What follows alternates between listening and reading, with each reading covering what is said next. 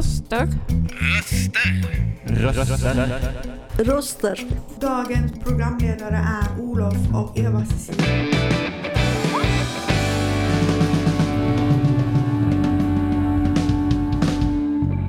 Dina röster i vardagen.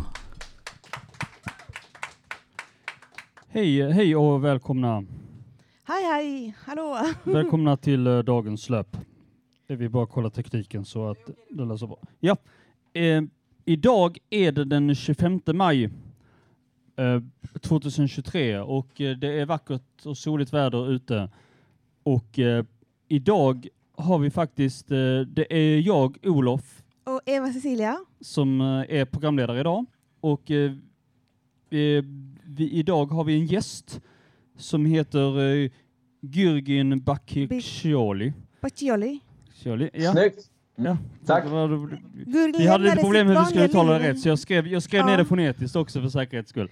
Ja, Gurgel- lämnade sitt vanliga liv för att eh, bli minimalist och eh, slutade äta kött och tänker på miljön och, och klimatet och så här, hur man kan förändra det. Så vi ville fråga dig, um, börja kanske med en sak som, vad, vad orsakade den känslan? Eller vad, hur, kände du, vad hände i dig när du tänkte nu, nu, nu jävlar? Alltså, vad, eh, alltså, nu lämnar jag allt, lämna allt, är det lämna allt eller är det att gå in i något nytt eller var det, hur kände du? Ja, det, det ska vi svara på efter att vi har spelat vår första låt. Ja, okej. Det är bara att vi presenterar lite grann Då hinner det vi tänka lite.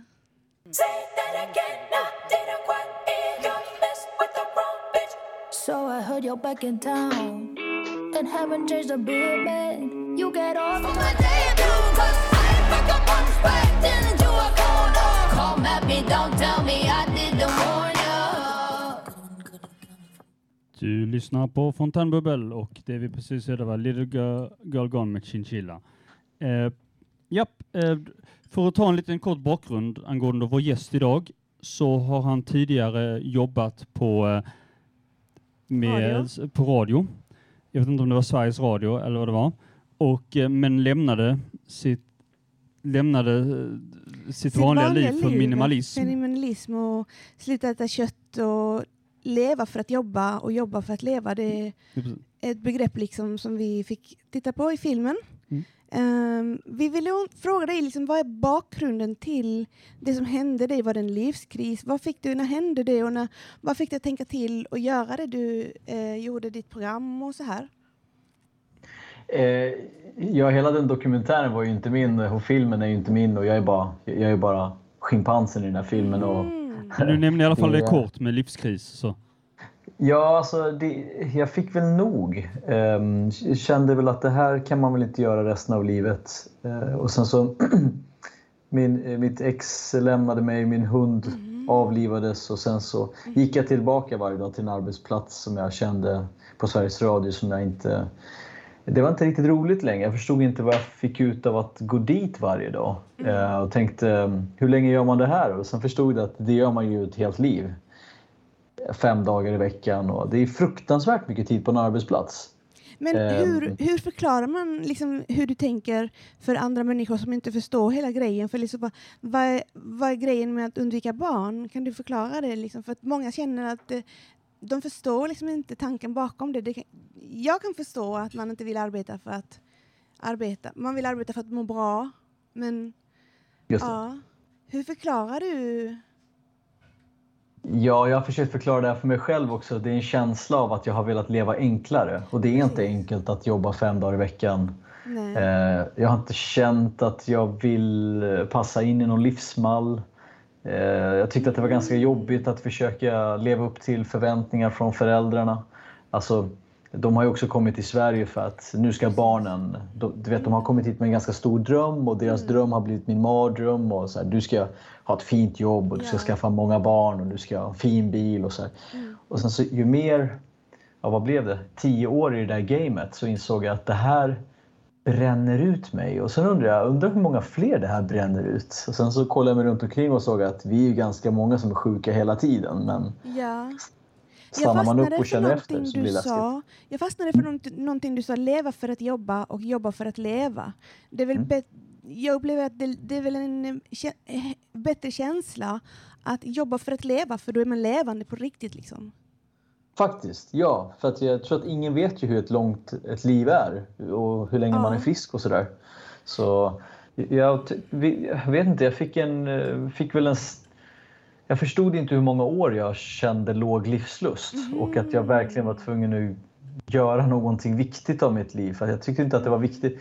Det är jättekul att sitta och prata i radio och göra tv-program men, men det gjorde jag till slut bara för, för bekräftelsens skull Ja, och då känner ja. jag att det där är också tomt. Aha. Men du, vad, vad, känner du är liksom definitionen av frihet för dig? För det skulle ju vara att kanske om man hade den, det fängelset att man måste jobba, kanske Mm. frihet är nog viktigare för dig än vad det eller, eller ja. Ja, du ställer svåra frågor som jag själv typ ibland inte vågar svara på. Men, för jag undrar fortfarande, är jag fri nu då? Men frihet är väl att man, att man faktiskt kan stänga av allt brus och tänka efter vad, vad själv vill jag ha? Oavsett. Alltså, till den graden att kommer jag, är det här någonting jag verkligen vill ha? Ja. Kommer jag förlora vänner på det? Ja, förmodligen. Ja. Ja. men det, är ändå, det är ändå vad jag vill ha. Och jag kommer hitta massa häftiga människor på vägen men Men Vi det är väl eh, fastnar ju. kanske bättre att ha häftiga människor som är äkta på riktigt än att man har leenden och falska leenden och pratar om vädret. Ehm, men eh, ja, hur kan man Ja, göra för att minska på utsläpp själv? För att många människor tänker sig jag klarar inte av att jobba, eh, bo i en eh, husvagn. Men hur kan man göra liksom, för att tänka för att tänka alternativt även om man är i systemet och det är också en stor fråga. Alltså hur är man i systemet eller kan man vara utanför systemet?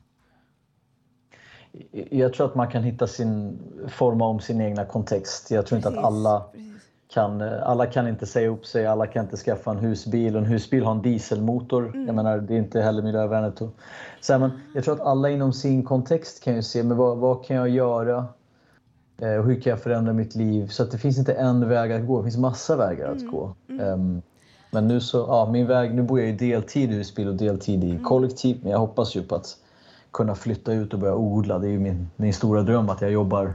Det känns som att jag jobbar på riktigt när jag liksom jobbar med rotfrukter istället för att Ja. sitta på kontor. Aha. Okej, det, det, det, är så du känner dig fri, att du kan göra skillnad, att du kan göra saker på riktigt, alltså, alltså, att, att, att du kan ockupera din tid på allvar och inte, och, inte, och inte sitta av en massa tid som du inte får någonting gjort. Det är det du menar, att du känner dig lite friare när du... Precis, ja du har förstått 100% rätt. Och Ja. det, är ju, det är ju det att äga sig själv. Eh, Ja. Men att göra sig så göra sig så lite beroende av system som möjligt. För att nu när vi ser att det blir torka på andra sidan världen eller när någon galen rysk pre- president går in i Ukraina, då får vi matbrist. Eller så får vi förändrad ekonomi och sen blir det osäkert. Och Jag har ju ganska låg framtidstro. Jag tror att det kan jag bota genom att i, i högsta möjliga mån liksom bygga min egna lilla värld och samla andra människor. Och, alltså Kan- gå kan- tillbaka till bylivet. Liksom. Kan det vara så att liksom det du nämner i filmen att t-skjortaktivism är liksom det, det räcker liksom inte? Ja, alltså, Ja, du använder Ja. begreppet t-skjortaktivism och är lite nyfikna på vad betyder det? jag, alltså, eh, jag kom på det i stunden så jag har inte liksom... eh, Ut, det är typiskt jag, jag bara slänger ur mig grejer som fastnar grejer hos folk och sen så måste jag förklara det. Eh, nej men så här, jag tror att jag menar väl att det finns så mycket platta saker man kan göra idag som inte betyder någonting. Eh, man kan ta på sig en t-shirt där det står rädda klimatet. Man kan vara poser liksom och sen så kan man vara rocker. Men var det inte det du själv gjorde om jag får komma in där när du åkte till Berlin för att stå med plakat? Att, eh, jag, var, ja. jag, var innan, jag, var in, jag jobbade innan på köttfabrikat men nu, är, men nu är jag vegan. Är inte det samma sak som går runt med en t-shirt med samma tryck? Ni är ju läskiga med era frågor, för det stämmer ju. Och jag har ju försökt hitta min väg i aktivism också och förstått också att så här, jag har gjort för mycket livsstilsreklam och berättat att om Gösta, Ingrid och Erik och Ahmed alla byter livsstil och släpper ut mindre så räddar vi det. Men det handlar också om att vi ändrar stora politiska system. Eh, för nu kan vi, alltså jag försöker fortfarande leva så rent som möjligt i ett smutsigt system men det går ju inte för mina skattepengar går ju till dåliga saker. Och jag tror att det jag menade med så t-shirt-aktivism är ju att om jag har en t-shirt med en feministlogga på. Då undrar man ju, vem har skapat den här t-shirten? Ja, men det är förmodligen en utsatt kvinna på andra sidan jorden som inte har fått betalt. Och så kallar man sig själv feminist också. Ja, ja men precis. Så att jag menar bara hur, eh, hur kan man göra någonting på djupet och på riktigt som spelar roll istället för någonting som kan bara positionera sig själv och så att man får visa sig duktig. Liksom. Men det kanske är viktigt att tänka på liksom, vad ens handlingar och känna, känna till och veta ens konsekvenser. Det gäller ju alla människor egentligen. Mm, verkligen. Jag, jag tänker, ska vi lägga på en låt nu så återkommer vi. Dun, dun. March, to my own drum.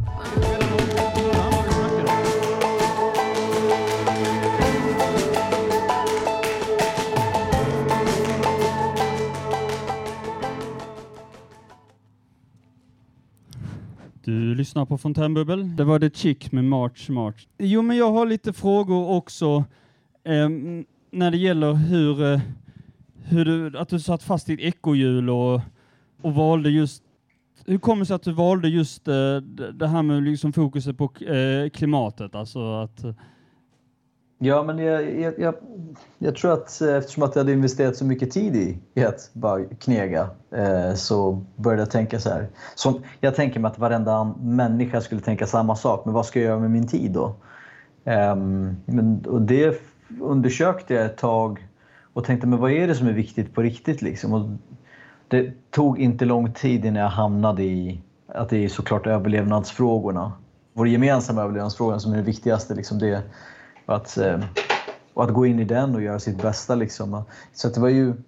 Det här är liksom turordningen. Eh, Gud vad mycket jag jobbar. Fan, hur länge ska jag göra det här då? Jag måste göra mig av med alla mina grejer. Jag måste bli minimalist för att jag köper för mycket grejer så att jag måste fortsätta jobba. Okej, men hur mycket kostar mitt liv utöver pengarna? Då? Ja, Men det kostar väldigt mycket djur för mig att hålla mig mätt. Eh, jag kan ju faktiskt äta veganskt. Och sen så genom köksvägen så hittade jag klimatet. Och då tänkte jag, nu när jag vet hur, hur lite mitt liv släpper ut när jag är minimalist och vegan. Vi kan ju lika gärna göra resten för det här, är, det här är ju hur kul som helst. Så att folk tror att man plågar sig själv men det är ju fruktansvärt kul att... Alltså, folk dör ju hellre än att förändra sig själva. Alltså förändring är typ en av de farligaste grejerna som folk upplever men det är, det är väldigt kul. Mhm. Eh, för du, s- du, eh, en av så, när du, I dokumentären så sa du, apropå det här med frågan när din pappa eh, pressade dig om varför, varför vill du inte äta kött längre, och så, så sa du att du visste inte vad du åt. Men vadå, har vi inte, har inte är det verkligen så nytt? Alltså vi andra, jag har ju själv vetat det som barnsben, liksom här att vi, ä, vi äter döda djur. Liksom, när vi äter. Visste inte det, du, det förrän, förrän för något år sedan eller så? Nej, alltså eh, jag- ska säga att det är någonting alla vet, men någonting vi aktivt eh, förtränger. Och jag hade, när jag var 18 var jag tvungen, eh, eller jag var inte tvungen, jag ville ju bevisa att jag också var man. Jag eh, åkte till Kurdistan och till min ära i min by så skulle jag då, då skulle de eh, slakta en get och jag fick hålla i geten. Och, och där fick jag på nära håll se vad det innebar. Och jag tror att det där är viktigt för folk att man får liksom se på nära håll vad, vad, vad ens... eh, För att det är väldigt onödigt att äta djur när vi kan äta från växtriket. Ehm, Alltså vad, våra, vad vi gör mot alla andra levande på den här jorden. Och, så, så att det handlar inte om att man inte vet. Det handlar om vad vi kanske, om jag ska vara lite mer korrekt, vad, vad vi så aktivt väljer att inte tänka på. Att det här, den här måltiden, den här hamburgaren hade ett ansikte, hade öron, hade ögon, näsa, mun, hade en mamma. Liksom. Eh, det, var, det var på riktigt en individ. Så, ja. Men då måste man också vara redo på att känna sorgen över så att, varför gör vi så här för? Och det är ganska läskiga känslor. Så det handlar inte om att vi inte vet. Det handlar om att vi hellre vill titta bort. Det är Mm, mm. mindre läskigt liksom. Eh, en annan sak som du sa att eh, i, en perfekt gör, i en perfekt värld så gör, man si, så gör man sina egna val och behöver inte och, eh, istället för att behöva lyssna på andra. Eh, tänker du generellt eller, alltså, eller handlar det mest om att du vill slippa behöva lyssna på din pappa? Som det handlar om för, för en, om, om alla väljer liksom sina egna val att inte lyssna på andra, men tänk om någon säger att ja, men det det att, tänk om någon säger att det- vi måste sluta äta kött, att vi måste sluta äta kött och så väljer någon annan att jag vill inte lyssna på dig, jag vill fortsätta att äta, eh, dumpa hur mycket bensin och diesel och, och, Mm. och sånt, och, eller kol eller vad det nu är, olja i havet. Liksom. Ehm, Ja, men jag, jag tror att när vi gör, eh, när vi gör aktiva, medvetna val Mm. istället för att så här, nu säger jag någonting som 10 000 andra har sagt. Eh, mhm. s- så, så är det mycket, mycket mera värde. Och där, där kan jag, det kan bli en diskussion som är mer intressantare att ta när man vet varför en person väljer att flyga runt jorden eller köpa kött eller investera sina pengar i, i oljeindustrin. Alltså, då vill man ju kunna att den här, alltså vi måste kunna stå till svars för allt vi gör i våra liv. Det, det är väl ganska rimligt, är det inte det? Varför, varför har du en bil för? Du har ju liksom fem kilometer till jobbet och du är frisk. Varför har du inte en cykel för? Ja, ja. Mm. Men det jag ville komma fram till var lite så här, hur förklarar man för vanliga människor som inte förstår riktigt det här med känslan för klimatet och så, att man har kärlek för planeten. Eh, till exempel, eh, varför är det viktigt att sluta äta kött? Varför är det viktigt att vara minimalist? Och vad är grejen med att undvika barn? Jag tror att all, det, det är som allt de här har gemensamt om man tänker att det här var ju väldigt många flummiga grejer. Men det är ju eh, alltså att, att slänga så låg ekologisk skugga efter sig som möjligt. Mm. Eh, djurätande och, och att dricka deras kroppsvätskor och äta deras ja, ägg så att säga, det kostar väldigt mycket. Eh, människor, speciellt alltså människor vi föder i västvärlden, är de som är de dyraste i, i resursanvändning. Eh, så att man, många tror ofta att man pratar om så här, den här småbarnsfamiljen i Kongo eller Uganda, men det är småbarnsfamiljen i Sverige som är väldigt eh, kostsam. Och också minimalism är ju samma sätt där. Det är också så här att använd inte mer än det du behöver. Ehm, men nu så har vi inte den filosofin om att vi ska bara liksom, vi ska bara lämna fotspår efter oss. För nu är normen att vi ska liksom göra parkeringsplatser av allt. Mm.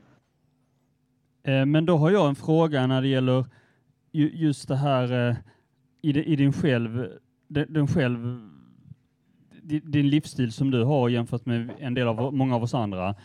Eh, jag för egen del har ju inte, jag åker väl typ, jag åker väl typ i bil ett par gånger om året, några gånger om året. Eh, annars cyklar jag varje dag. Jag har ingen, eh, jag har, nu äter jag ju kött så jag är ju inte så, i- så, så, så i, i, den, i den bemärkelsen är jag väl inte, ingen riktigt förebild så, även om jag inte har någon diskmaskin eller, eller, eh, eller så, och jag har cyklat som sagt varje dag. Men i alla fall, just när det gäller den aspekten transporter, är det inte så att du med, genom din livsstil, att du åker runt i den här bilen och husvagnen, gör inte du av med mer, eh, släpper inte du ut mer än vad många av oss andra gör, till exempel jag då? Jag släpper definitivt ut mer än den som inte har husbil. Eh, men eh, det, det, här är, det här är helt rätt och det är, det är ju en av de, liksom den eh, bästa kritiken mot mig. Eh, jag, jag har haft mina utsläpp, jag har räknat dem och de stämmer nästan aldrig riktigt heller men jag, jag har legat på 1,5 ton koldioxidutsläpp, 1,7 eller 2,2 och normen är ju i Sverige någonstans 10 hade jag gjort mig av med husbilen då hade jag ju legat på hälften av det där. Men sen har det slagit mig att så här, jag kan sitta och efter, vad blir det nu, sex år utav att eh, leva på, på så lite det, så, så jag märkt att jag kan räkna mina kilon och gram hur mycket som helst. Det är viktigare att jag fokuserar den sista biten här istället på att så här, eh, driva på systemförändring och liksom varför behöver vi det här kärnkraftverket och varför behöver vi, varför behöver vi producera så mycket grejer? Alltså vi behöver ju politiska förändringar. Varför, varför, varför strösslar vi så mycket skattepengar på flygindustrin för? Jag kan, jag kan ju vara hur mycket vegan som helst. Det spelar ingen roll för mina skattepengar går ju ändå till svenska bönder som släpp, orsakar jättestora utsläpp när de hade kunnat odla lupinbönor eller ärtor. Så att, och då känner jag att ja, jag kan ju övertyga ännu en person att kanske bli vegan eller så bara gå in och slänger grus i maskineriet och gör någon, alltså, jobba på stor nivå istället och driver frågor. Liksom. Men absolut, för att komma tillbaka till kritiken. Eh, jag, mitt stora klimathyckleri är min husbilsmotor, ja. Men jag tänkte fråga en, en följdfråga kring det du Mm. har sagt. Och så så här, vad, vad, vad gör dig ledsen och vad gör dig glad angående klimatet och händelser kring klimatet, nyheter eller vad det, vad det nu kan vara? Alltså ledsen är ju det mest uppenbara. Vi, vi grillar ju vår jord. Ehm, Mm. Artdöd.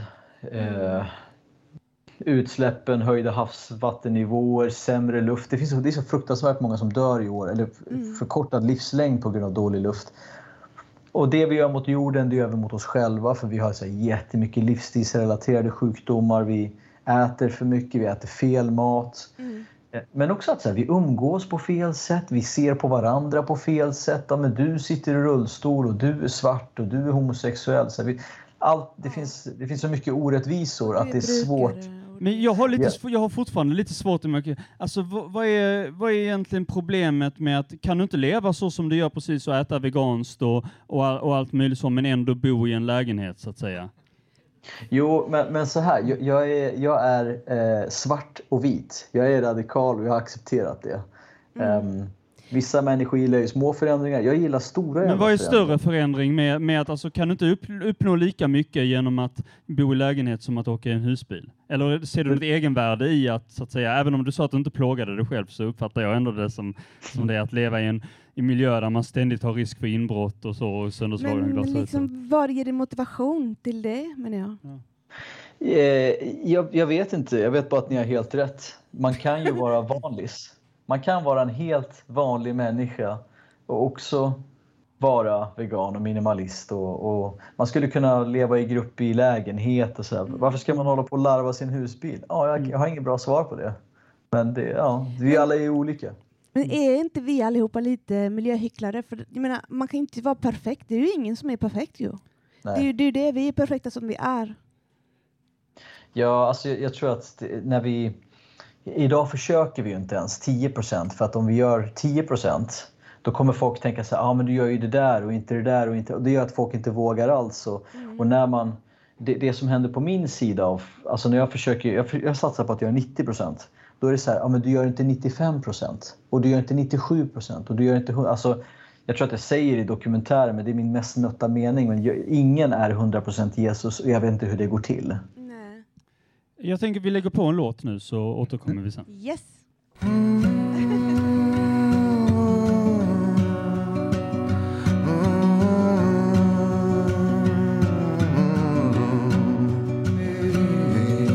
Society, crazy indeed. I hope you're not lonely without me.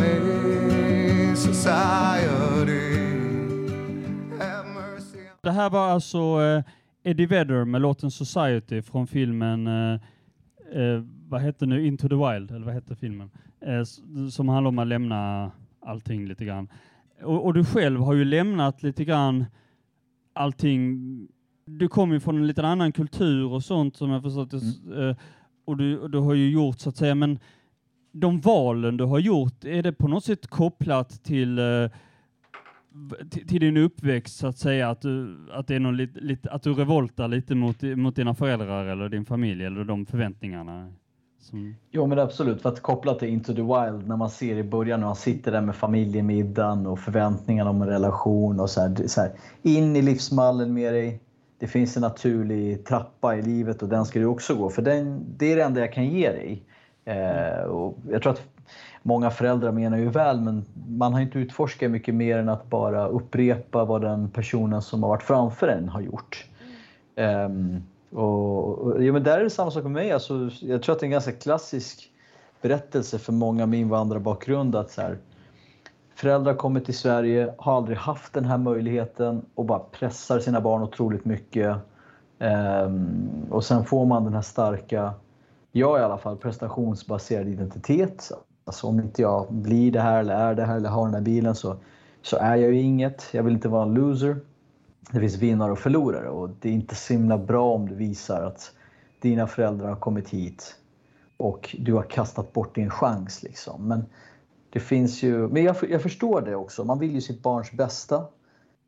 Um, men det finns ju andra sätt att uh, utveckla sig själv eller att göra något viktigt med sitt korta lilla liv och det kanske inte alltid är att ja, men, gå in i reklambranschen, designa schampotuben och bo i en bostadsrätt resten av sitt liv och, och leva som en tråkig schimpans. Mm. Eh, nej, men å andra sidan så har du ju själv jobbat på Sveriges Radio och du har ju haft möjliga, möjliga även, om, även om du inte kanske trivs i den rollen så att säga, att vara anställd, så har du ändå möjlighet att jobba inom radio. Alltså det är ju, är inte det ett minst lika bra sätt för opinionsbildning som att eh, dra, dra sig undan och att det på sin höjd görs en dokumentär om dig? Alltså att ha chansen att ha tillgång till, till, det, till det mediet hela tiden. Jo men absolut, men jag tror att från insidan när man ska jobba så, så trubbas man ner. Eh, man, man, blir, eh, man blir innekatt ganska snabbt och tam. Och jag, när jag började jobba så hade jag jättemycket värderingar, brann för saker och sen såg jag att de som gick in med mig i branschen nötte också ner sig själva för att man ska göra sig anställningsbar, man ska göra sig bekväm. Eh, säg inte vad du tycker på den här konferensen, du är inte dum i huvudet inte. Alltså, man till slut blir bara en kugge och glömmer bort att fan, jag brukade ha principer och grejer. Ehm, och visst kan man jobba från insidan men ibland måste man nog ta ett steg tillbaka och, och kommentera. Eh, liksom, det här stora fabrikshjulet utifrån. Jag tror inte att man alltid kan förändra allt inifrån. Eh, det var ganska svårt för övrigt. Jag tänkte fråga en fråga om, om att vara em, problematiserad, alltså att man blir problem med problemet. Eh, du är väldigt mycket för klimatet och jag vet att du har blivit väldigt kritiserad och till och med taskiga kommentarer och troll och så här. Liksom, hur hanterar du det? Ja, alltså. Det enklaste har väl kanske varit att först och främst. Det här är folk som inte vänder sig till mig utan det är folk som blir så pass provocerade att det är tankar de kanske aldrig har tänkt förut och då reagerar man med det som kallas projektion. Jag är förbannad, jag har hört någonting jag inte förstår mig på. Då hittar vi idioten som sa det. Eh, påminner väldigt mycket om så här, någon, någon, den här Frankenstein-scenen när de står utanför slottet och ska grilla den killen. Men s- sen är det väl också att eh, jag, själv, jag förstår dem för att jag själv har tyckt att veganer och miljömänniskor har varit muppar. Eh, ska, alltså gud vad ni slänger bort era liv på skitgrejer. Vill inte bara leva här och nu och unna er? Och så, så. Jag vet ju exakt hur de tänker så jag kan inte heller bli sårad. Ehm, så det, det är nyttigt att ha tagit del av olika tankevärldar och, och levt sig in i dem fullt ut. Liksom, så att, ja, jag, jag, blir inte, jag blir inte... Jag har funnits perioder, jag ska inte ljuga, funnits perioder där jag varit jätteledsen. Speciellt när folk har skrivit kommentarer som har eh, kommit in under skinnet på en. Som är så här, oj det här var specifikt. Du måste ha pratat med någon gammal barndomskompis och, och, och det var där, därifrån du fick det här vad ger materialet. dig motivation att ändå fortsätta liksom? Nej, men det är väl att eh, gör man folk arga så är det väl någonting på riktigt. Ja, Ehm, det, då är man ju inte riktigt pionjär om man säger så. ja. men det måste ju skava. Det måste ju skava, annars är det inte att förändring. Människor tävlar mot varandra och det är konkurrens överallt, så är det ju. Men Ja. liksom, jag har en känsla av att det handlar, det, det handlar lite grann om att tävla mot en själv. Att man Mm. vill bli en bättre människa. Ja, men verkligen. Så, ja, men det, men det är nog eh, kanske en av de stora motivationerna. Att så här, du kan ju mycket mer än det här. Mm. Ehm, Så, så visst, även om... Jag menar, det, här, det här är väl något som de flesta brottas inom som jobbar i en fråga där man liksom så måste gå ihop i grupp och göra någonting. Att man också är lite narcissist i hemlighet. Så här, "Ah, nu mår jag bra. Gud, nu måste jag göra ännu mer. Alltså, det blir ju en drog också, men jag tänker att det är en ganska schysst drog. Det är så här, är det inte det här vi... Är, är vi inte kodade för det här? Så här gemensamt grupparbete och bara... Kan inte alla bara satsa på att vinna världsmästerskapet i kollektivt arbete? För vi, vi fixar det här grupparbetet, det Men, men, en sak som jag tänker på som kom fram i dokumentären var ju att du hade, du hade ju missat det, det hade varit sådana här klimatdemonstrationer i, i Bryssel eller liknande, eller sånt Mm. där du hade chansen att slå dig ihop med andra och utöva aktivism på ett större plan. Men då hade du missat, då hade du missat det så att säga. Är det inte, hade det inte varit hade det inte varit ro- roligare om du hade kunnat ha möjlighet att ta, om du inte hade tid med hus, om du inte kunde komma dit med husbilen, i alla fall ta tåget eller någonting och planera det i god tid så att du skulle kunna, så att du skulle kunna delta i det? Jo, det stämmer. Eh, men sen så jag åkte från Bryssel häromdagen till Stockholm. Eh, det blev ju nästan bökigare än husbilen. Eh, 24 timmars resa blev det. Varav fyra timmar i Hamburg, T-centralen och, och eh, försöka avfärda narkotikapåverkade människor. Då saknade, då kan jag säga att då saknade jag husbilen. Jag bara, skulle bara vilja krypa in i husbilen med min hund. Det är jobbigt att resa tåg med hund måste jag erkänna också. Mm. Jag tycker inte att tågsystemen är så jätteoptimerade. Men även så här, eh, du har helt rätt. Det, jag önskar att vi hade bättre tågsystem. Jag hade, alltså sovkupé i tåg, det är typ det bästa som har hänt. Mm. Mm. Ja, jag tänker vi lägger på en låt så, så återkommer vi snart. Du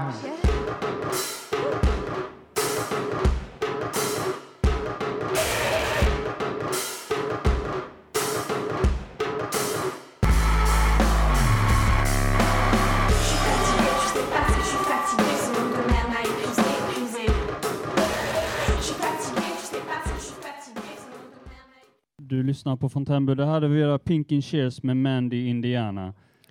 Jag har några frågor att ställa angående... Du fick ju din familj att eh, börja äta mindre kött, eh, vilket är ju en bedrift i sig. Men en bedrift som du också gjorde, som vi såg i filmen, varför, varför är det bra att undvika barn? Och hur kan man förklara detta för någon som inte förstår? För människor i allmänhet vill ju ha barn. Ja, för du pratade du ville sterilisera det till och med för Ja. att eh, inte Jag tyckte han, få... doktorn såg ju helt knasig ut, han förstod inte någonting. Ja, alltså det där det blev ju en, eh, det blev en episk eh, scen. Folk har ju frågat om eh, hur många omtagningar. De tror att det här är fake och grejer. Men Oj. jag kan säga att det var en tagning och han visste inte varför vi var där. Och hans reaktion tycker jag ändå reflekterar vad mångas reaktioner är idag. Så att jag förstod att eh, jag förstod ju redan innan att, så här, ja, men att vara barn, biologiskt barnfri, alltså jag kan tänka mig adoptera eller familjehem och så sådär. Eh, men just biologiskt, det är så här, är mina gener så himla fantastiska? Så på sex generationer har vi haft den största befolkningsexplosionen någonsin och vi tar över liksom allt annat jord som finns. Så vi har haft de här tankarna, så här, finns det en gräns för hur många som kan leva på vår jord? Och, Sen har jag ju sett att så här, ja, men de här tio barnen i Marocko släpper ju fortfarande bara ut lika mycket som ett barn i Sverige. Ehm, och då tänker allt, folk tänker alltid att så ja, men det är bara om barnen i ditt hemland i Kurdistan, om de slutar liksom reproducera sig så himla mycket så klarar vi oss. Men det, det handlar inte riktigt, inte, bara, det är inte riktigt så. Så att man, man vill gärna få det här till att flytta det till så här, utvecklingsländer. Men i alla fall, det här väcker jättemånga frågor. Jag kände mig som haren i ett drev ganska så länge när jag, när jag pratade om just eh, det här och resursproblemet. Att vi pratar aldrig om antalet användare, bara om antalet, an, alltså så här, användningen. Ja, för jag såg ett program på tv om Indien, att det var kvinnor som sprang omkring och var volontärer för att visa andra kvinnor att man kunde använda p-piller och så här, för det, inte, det blir jättemånga barn utan, utan p-piller och utan utbildning och så här. Eh, så det är klart att det är viktigt. Jag, jag, jag får en känsla att, och om man ska förklara det på ett dumt, dristigt sätt, att det är bättre att adoptera en hund som finns än att liksom avla en ny hund. Om man ska nu prata om hundar. Men om man ska... Eh, jag älskar det där. Jag, jag, jag, det, det är exakt det här jag Jag, jag, säga. jag kan säga jag förstår inte för egen del om, om, om man nu pratar om adoption som, som alternativ till, alltså det, det sätter väl lika mycket klimatavtryck att, att, att ta hand om ett adopterat barn som att sätta ett nytt barn till världen. Så, så där, den argument, det argumentet förstår jag inte. Nej, eh, jag, jag hör den här ganska så ofta. Min utgångspunkt är ju... Alltså om vi ska tänka lite ekohumanistiskt, då är det så här... eh, Allt som lever är ju det heligaste som finns. Eh, och sen kan det vara provocerande att säga att de ofödda har ju faktiskt inget värde. På samma sätt som födda har ett värde, för de, de finns ju faktiskt. Så att, eh, jag tror att det var någon som skrev till mig förut och sa ja, men om du skulle adoptera och du, och du hittar ett etiskt sätt att göra det på. Skulle inte det kräva att det här barnet flög till Sverige? Jo, det skulle det absolut kräva. Men vad är alternativet? Alltså vad är, det, vad är alternativet för dem? Folk tror ju att så här, när några börjar sluta skaffa barn så kommer alla sluta skaffa barn och det kommer vi inte göra. Utan det Men- handlar, nu, Men det är jag ett tänker bara, alternativ, det är det du Men menar. är det, är det, det du önskar, är det att mäns, mänskligheten ska upphöra eller? Genom att uppmana folk att inte, och, och, att, att inte föda barn? Att, för det blir väl ändå i slutändan om man, om man vill eh, uppmana att man, att man till och med går så långt som att sterilisera sig att man inte vill, då, då räknar man inte längre på, på så här. Du, du kan ju välja att göra det, ja, ja, eh, så här mycket mä, mäter vi om du skulle kunna mäta på samma sätt när det gäller barn, att jag, jag, väl, jag nöjer mig med ett- 1,2 barn eller något sånt där, för då släpper jag ut mindre eller då föder jag mindre än vad en Ja. genomsnittlig. Det skulle du kunna göra på det, på det planet, men det verkar ju som att det inte riktigt gäller samma sak där, att du på något sätt önskar att, på något sätt önskar, på något sätt önskar att mänskligheten ska dö ut på något sätt. Att det, Jag tror inte att det är, alltså det, det är väldigt drastiskt. Eh, eh, det är ganska drastisk slutsats att säga att människor, människorna kommer dö ut om vi inte om några väljer att sluta skaffa barn. Eh, Men är det inte bättre att du skaffar barn än att andra gör det som kanske inte bryr sig om? Alltså att om, du, om du ändå har, kan engagera dem att, att leva som du gör eller att inte flyga så mycket. Det är väl ändå bättre än att det finns tusentals andra som kanske skaffar barn som inte tänker på det sättet. Som Nej, kanske, jag- om, de, om de är barn till, till eh, S, eh, om de har, föräldrar som, mm, till SD eller AFSare eller något sånt. Nej, men jag- jag, jag uppskattar din utgångspunkt i frågan. För det är ändå så här. Eh, det finns massa människor som skulle behöva fostra en ny generation till ett annat sätt. Och då tänker jag så här. Jag är helt med dig på den fronten, men inte på att vi, kommer, vi måste föda fram åsikter. Eh, åsikter är någonting vi formar hos folk som finns. Och jag tänker att du skulle kunna eh, ta dig till ett, barn som behöver hem och också forma det här barnet till det. Men man skulle också kunna forma om sin existerande omgivning. Alltså, vi, vi föder ju inte fram opinioner. Vi, vi, vi ändrar ju opinioner hos människor som redan existerar. Alltså, vi vet ju så här, att jag som vegan, om jag skulle föda fram en unge, hur kan jag garantera, för att vi alla rebellar ju hela tiden, hur kan jag garantera att, eh, nu när jag tyckte att så här, men djurförtryck är fel, kan jag garantera genom min avkomma att djurförtrycket kommer att liksom upphöra där också? Eller att liksom, ve- vem, vem kommer mitt barn bli? Vi har ju alltid sett folk som har fötts till muslimer och sen säger jag vill aldrig ha med islam att göra igen när de är 15. Alltså vi ändrar oss hela tiden så att eh, ja. Men det är laddade frågor och Det jag vet att är intressanta Det frågor. men det är klart, Och- det är filosofiskt väldigt intressant också, så man ska inte ducka för eh, diskussionen. Men jag har en fråga angående det här med minimalism. Eh, jag läste en bok som heter eh, Välfärd utan tillväxt. Eh, och då handlar det liksom om att eh, företagen behöver inte ha ackumulation av eh, pengar utan man kan använda dem till exempel för att odla träd och sådär. Men va- varför, varför tror du, eller varför tänker du att det är jätteviktigt med minimalism? Är det, är det liksom vad, egenvärde eller hur, vad, vad kan, hur kan det hjälpa med att vara minimalist? Alltså, först och främst som filosofi så handlar det om att, så här, eh, att inte, den bygger inte på att man kan konsumera sig ur Aha. eh, liksom, eh, våra system utan den handlar om att stanna upp och Mm. tänka men, men vad ger det där Dolby surround-systemet och den här platt-tvn och den här diskmaskinen eller Mm.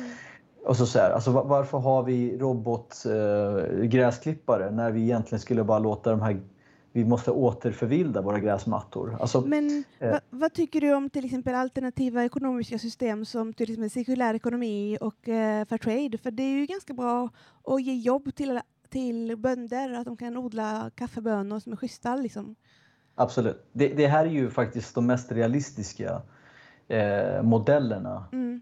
som ska ersätta liksom, den här eviga tillväxtcirkusen. Mm. Eh, så att det, men sen så även om det är cirkulärt och även om det är fair trade och vi hittar den perfekta kakaon och kaffe. Liksom så här, hur mycket av det här ska vi göra det då? För att det handlar ganska mycket om att så här, vi ska också göra mindre av allt och den är lite mer känslig för att ingen av oss vill ju prata om att så här, i, i en värld där vi ska uppnå de här avtalen som är så vackra och fina till 2030 och sen 2050 att det kräver också att vi förbjuder saker. Men det är ju läskigt att prata om det i samhällen där vi är vana med frihet. Precis.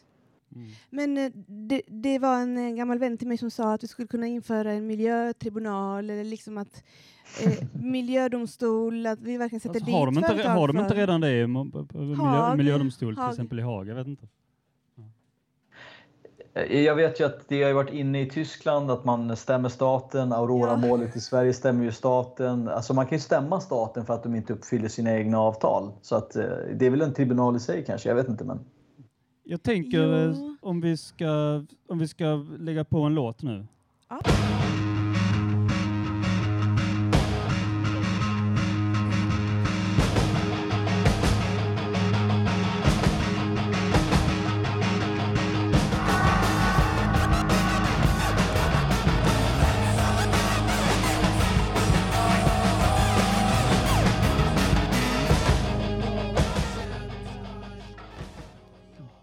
Du lyssnar på Fontänbubbel och det här vi precis hörde var Beastie Boys med Sabotage. Sabotage. Jo, jag tänkte fråga dig en sak om politiker.